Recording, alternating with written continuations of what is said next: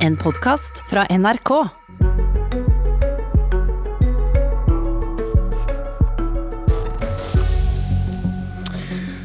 Høyre ber igjen om å bli trodd når de sier de savner Jens Stoltenberg. Anledningen denne gangen er Arbeiderpartiets angrep på markedstenkning i stat og kommune.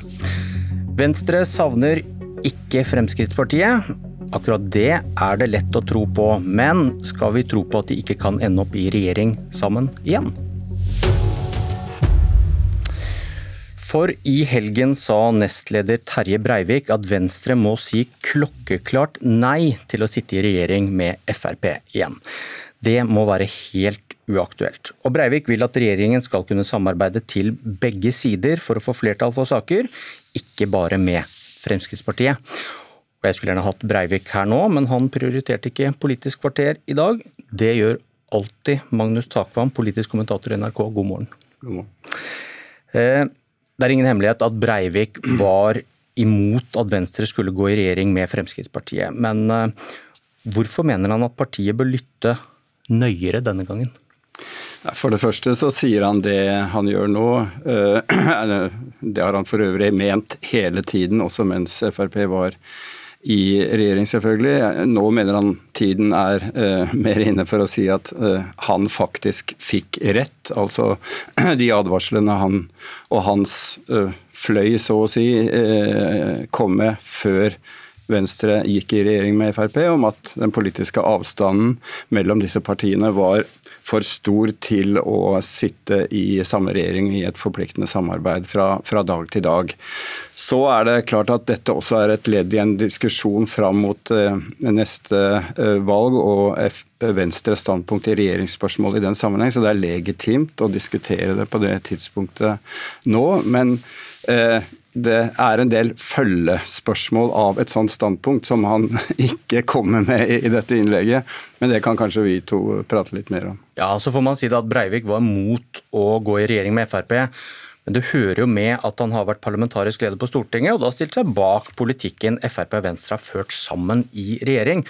Men hva er realismen i det han tar til orde for? At dagens regjering kan samarbeide til begge sider, og Det må vel bety at man skal kunne bli enig om statsbudsjett eksempel, med Arbeiderpartiet eller Senterpartiet istedenfor Frp? Ja, altså det du, Spørsmålet ditt viser hvor komplisert det er å bare være presis på ett element i hele rekken av spørsmål som knytter seg til regjeringsspørsmålet og maktspørsmålet etter et, etter et valg. For det er klart, Hvis du sier det eneste du sier, for å sette det litt på spissen, er at du absolutt ikke vil sitte med Frp i regjering, så må man da stille spørsmålet f.eks. dersom Frp og Høyre gjør et såpass godt valg neste år at det er naturlig at de to partiene i hvert fall sitter i regjering, hva sier Venstre da, som, som du er inne på?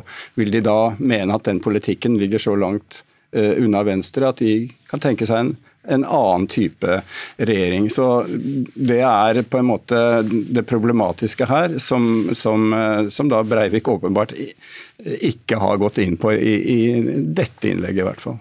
Og realismen i at regjeringen, dagens regjering skal kunne vende seg til f.eks. Arbeiderpartiet for å for å inngå et budsjettforlik om 2021-budsjettet? Nei, Det mener jeg er nokså altså, Det viktigste dokumentet et storting eh, vedtar, er jo budsjettet, og det har vi jo sett litt eh, eksempler på i den spesielle situasjonen vi har vært nå, at når det kommer til revidert budsjett f.eks. i den situasjonen vi er nå, så er det de tidligere fire borgerlige samarbeidspartiene som har forplikta på det. Det vil være helt urealistisk å se for seg at f.eks. Arbeiderpartiet eller Senterpartiet etter en tøff valgkamp, og der Erna Solberg fortsetter med et eller annet knapt flertall, at de skulle skulle da berge en, en slik regjerings videre liv dersom, dersom det blir krise rundt, rundt, budsjettet.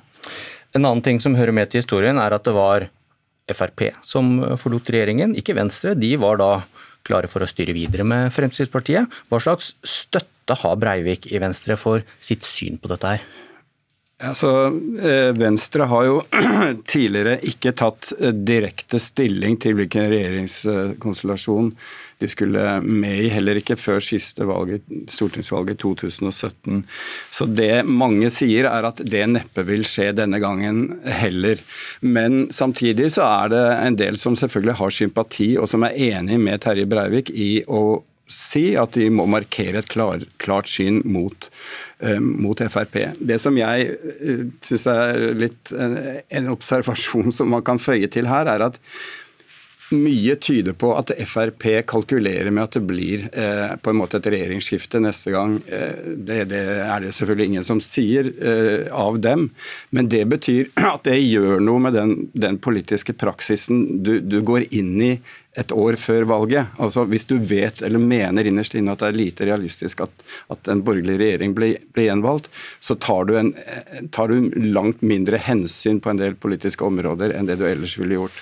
Og da tror jeg Frp ikke har gjort det valget en del av de eh, i Frp var inne på før de gikk ut av regjering, at hva slags eh, parti skal Frp bli i framtida?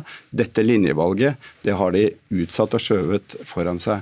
Og Det gjør nok at konfrontasjonene framover mellom Venstre og Frp kan bli ganske tøffe, og, og, og da forkludre på en måte den, den harmonien i den borgerlige leiren. Til slutt, Magnus Takvam. Før Venstre gikk i regjering med Frp, sa de at det var svært usannsynlig at Venstre ville gå i regjering med Frp. Hva vil et slikt løfte til velgerne fra Venstre, i tråd med det Breivik ønsker, være verdt? Nei, Det er klart det vil bli brukt, eh, brukt mot, eh, mot, Venstre. Og, og, så kan man føye til at på den andre siden her av politikken så er det også en del brokete konfliktlinjer som, som sikkert vil til en viss grad nulle ut disse tingene. Men jeg vil si hvis man først diskuterer Venstre og realismen i å gjøre et godt valg, så er, er Venstre mer avhengig av at det ser ut til at en, at en, borgerlig regjering kan bli gjenvalgt. Altså de, de, får drahjelp av en eventuell mulig borgerlig valgseier, mens Frp kjører et mye mer eh, sololøp eh, og ikke, ikke, ikke, har den typen avhengighet av, av en realistisk eh, borgerlig seier. Men det er nå min vurdering, i hvert fall. Og lykke til, Erna Solberg.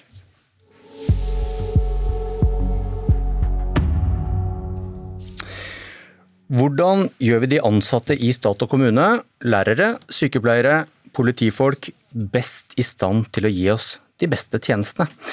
Masud Gharahkhani, stortingsrepresentant for Arbeiderpartiet, velkommen.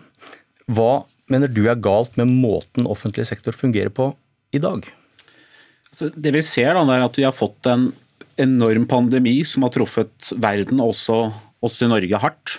Men det som kommer til å gjøre at vi kommer til å klare oss mye bedre enn veldig mange andre land i verden, er jo at vi er velferdsstaten. Og den tiden vi har vært igjennom nå, har jo visst at vi har verdens beste folk i velferdsstaten. Altså helsearbeidere som har stått på 24-7 for å redde liv og helse. Lærere som har slengt seg rundt, organisert det annerledes sånn at barna våre får et tilbud når de har vært hjemme. Renholdere, barnehageansatte som har stilt opp for de som er kritisk personell. Listen er lang. Men skal vi virkelig klare å ta vare på velferdsstaten i tida fremover, slik at den kan stille opp for meg og deg og alle i Norge når vi trenger den, så må vi lytte mer til de som faktisk jobber i velferdsstaten. Jeg har nå jobbet en lang periode med det som heter tillitsreform i offentlig sektor. Hatt 30 eh, møter med arbeidstakerorganisasjoner, både de som tilhører min familie, arbeiderbevegelse, men også Sykepleierforbundet og mange andre. Og Det de forteller meg, det er at i offentlig sektor så har vi sett en utvikling der avstanden mellom de som tar beslutninger og vanlige arbeidsfolk øker at det er blitt mer idiotisk rapportering og målstyring, som ikke sier noe om kvaliteten på det arbeidet man gjør. Båndlegger tid, som går da utover å ha tid til å bruke på innbyggerne. Og at det er for mye lek med marked. Fordi det er jo sånn i offentlig velferd. Det handler om mennesker, det handler ikke om et produkt. Da må vi ta et oppgjør med dette slik at vi kan sikre at velferdsstaten stiller opp for oss. Og det finnes nok av idiotiske eksempler som vi må rydde opp i. hvis jeg får lov til det. Hva er, hva er løsningen, lurer jeg på da? Løsningen er at vi må ta et tydelig oppgjør med markedsmekanismer eh, i eh, mange deler av velferdsstaten, hvis jeg kan nevne noen eksempler for programlederen. Vi har noe som heter bestiller-utfører-modeller i eh, eldreomsorgen. Det handler f.eks. om at vedtakskontor gjør et vedtak om at det skal være ti minutter minutters hårstell hos en pasient. Og jeg har fått høre av Sykepleierforbundet og Fagforbundet om tilfeller der hjemmesykepleieren kommer hjem til en person har fått beskjed om å ha ti minutters årstell. I løpet av den tida så finner man ut at vedkommende har blitt utsatt for overgrep, og sykepleieren lurer på har jeg tid til å være her videre og hjelpe den. Men Er det, altså, noen, er det noen som er uenig i at man skal ta tak i et slikt eksempel? det? Finnes i dag. Det finnes mange slike eksempler i dag som må ryddes opp i. Eller når jeg besøkte eh, kontaktsenteret i Nav i Skien, der, der du ringer inn og lurer på uh, alt mulig spørsmål rundt regelverket Nav, så sier de ansatte til meg at det vi blir målt på her, det er hvor lang tid hver samtale tar. Vi vil gjerne bli målt, men ikke bedre bli målt på at innbyggere når de ringer inn, at de er fornøyd med den samtalen, at det er kvalitet på den jobben vi gjør. Da må vi lytte til de ansatte. Det er da vi klarer å rydde opp og sørge for at vi har verdens beste offentlige sektor i tida fremover. Nikolai Astrup, kommunal- og moderniseringsminister fra Høyre, velkommen. Eh, du sier til Dagbladet at dette er et reaksjonært frieri til Rødt. Hva mener du med det? Ja, ikke akkurat det som Gharahkhani sa nå. Eh, vi er alle enige om at vi bør ha eh, færre, men tydeligere mål eh, og større frihet for den enkelte virksomhet. Og Vi skal selvfølgelig til å tenke nytt og til å løse oppgavene slik de mener er best. Men, og vi skal selvfølgelig lytte til de som jobber med omsorgstjenestene våre og i resten av de offentlige velferdstjenestene selvsagt, og korrigere kursen deretter. Når det er sagt, det jeg mener er ekstremt gammeldags, er jo at Arbeiderpartiet samtidig sier at eh, alt skal drives i offentlig regi. Eh, og Det er gjort fantastisk mye godt arbeid gjennom pandemien, ja. Og det gjøres fantastisk mye godt arbeid i offentlig sektor. Men en del av responsen som vi har også lent oss på gjennom pandemien, er jo mennesker som jobber i privat sektor. Og Det Arbeiderpartiet i realiteten her gjør med sin tillitsreform, det er jo å vise en mistillit mot alt som ikke er offentlig. Og en iver til å detaljstyre. Fordi alternativet til målstyringen som Gharahkhani her snakker om, det er jo detaljstyring.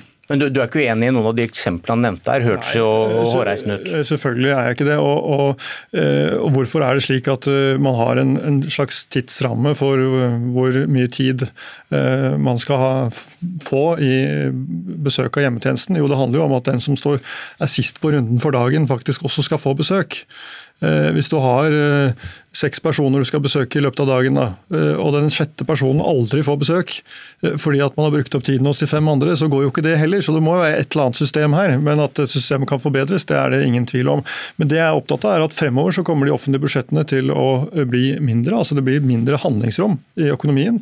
Vi blir stadig flere eldre, som i og for seg er positivt, men samtidig færre i yrkesaktiv alder. Og inntektene fra oljeindustrien kommer til å gå ned. Det utfordrer oss til å tenke nytt, til å tenke mer innovativt innovativt.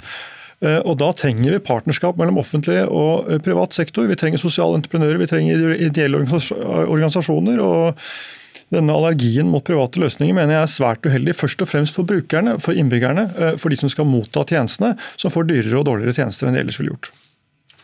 Så for det første, altså Forskjellen mellom Astrup og meg er det ene at jeg lytter til hva de ansatte i velferdsstaten sier. Og Jeg har virkelig lyst til å si at jeg mener Astrup mangler bakkekontakt. Han burde lytte til dem. Det de sier til meg, det er at nå må vi styrke offentlig sektor. Høyresidas løsning i det siste har vært at nå må vi effektivisere, kutte i offentlig sektor, privatisere mer. Det er nok av eksempler på idiotisk målstyring som koster mye penger. For det er en eller annen sånn toppsjef eh, med BU-utdannelse og ikke den norske modellen-utdannelse som sitter der eh, gjennom et Excel-ark. Vi må lytte mer til helt vanlige arbeidsfolk og hvordan hverdagen deres er. Og så er det slik at eh, på ett område i Norge så har vi vært enige om i lang tid at det bør være et offentlig velferdstilbud, uavhengig av lommebokstørrelse og uavhengig av adresse. Og velferdstilbud det handler om eldre, det handler om barna våre. Det er ikke til for profitt. Og hvis man tror at Stendi, som nå driver 25% av det omsorgsmarkedet i Norge, som sier at vi skal ha en avkastning på 30% ikke er der for å ta profitt, det vet vi, men det er jo det som alltid har vært høyresidas løsning. Det er ikke løsninga i tida fremover. Vi må sikre at fellesskapets penger går til å styrke velferdsstaten og ta vare på ansatte. Eh, jeg vet ikke hvor Gharahkhani har det fra at jeg ikke lytter til de som jobber i offentlig sektor. Jeg besøker ganske mange offentlige virksomheter hvert eneste år, så den påstanden den, eh, den får stå for hans regning. Eh, men den tenkningen som Arbeiderpartiet her legger for dagen, den gir seg jo noen bisarre utslag. Altså for så hadde Skiforeningen her i byen lyst til å ønske å åpne en friluftsbarnehage på østkanten. Fikk nei fordi det er en ideell organisasjon og ikke en del av offentlig sektor. Meningsløst avslag. Her forleden kjøpte Oslo kommune, brukte Oslo kommune 65 millioner kroner på å kjøpe en privat barnehage barnehage fordi det ikke skulle være en privat drifter, men det skulle drives i offentlig regi. Han sa nei til privatisering av sykdom og hjemmetjenesten, for det var Og best da, for innbyggerne. som vanlig når man snakker i munnen på hverandre, passer det utmerket at eh, klokken tikker mot åtte. Takk for debatten. Den fortsetter i et annet fora. Dette var Politisk kvarter. Jeg heter Bjørn Myklebust.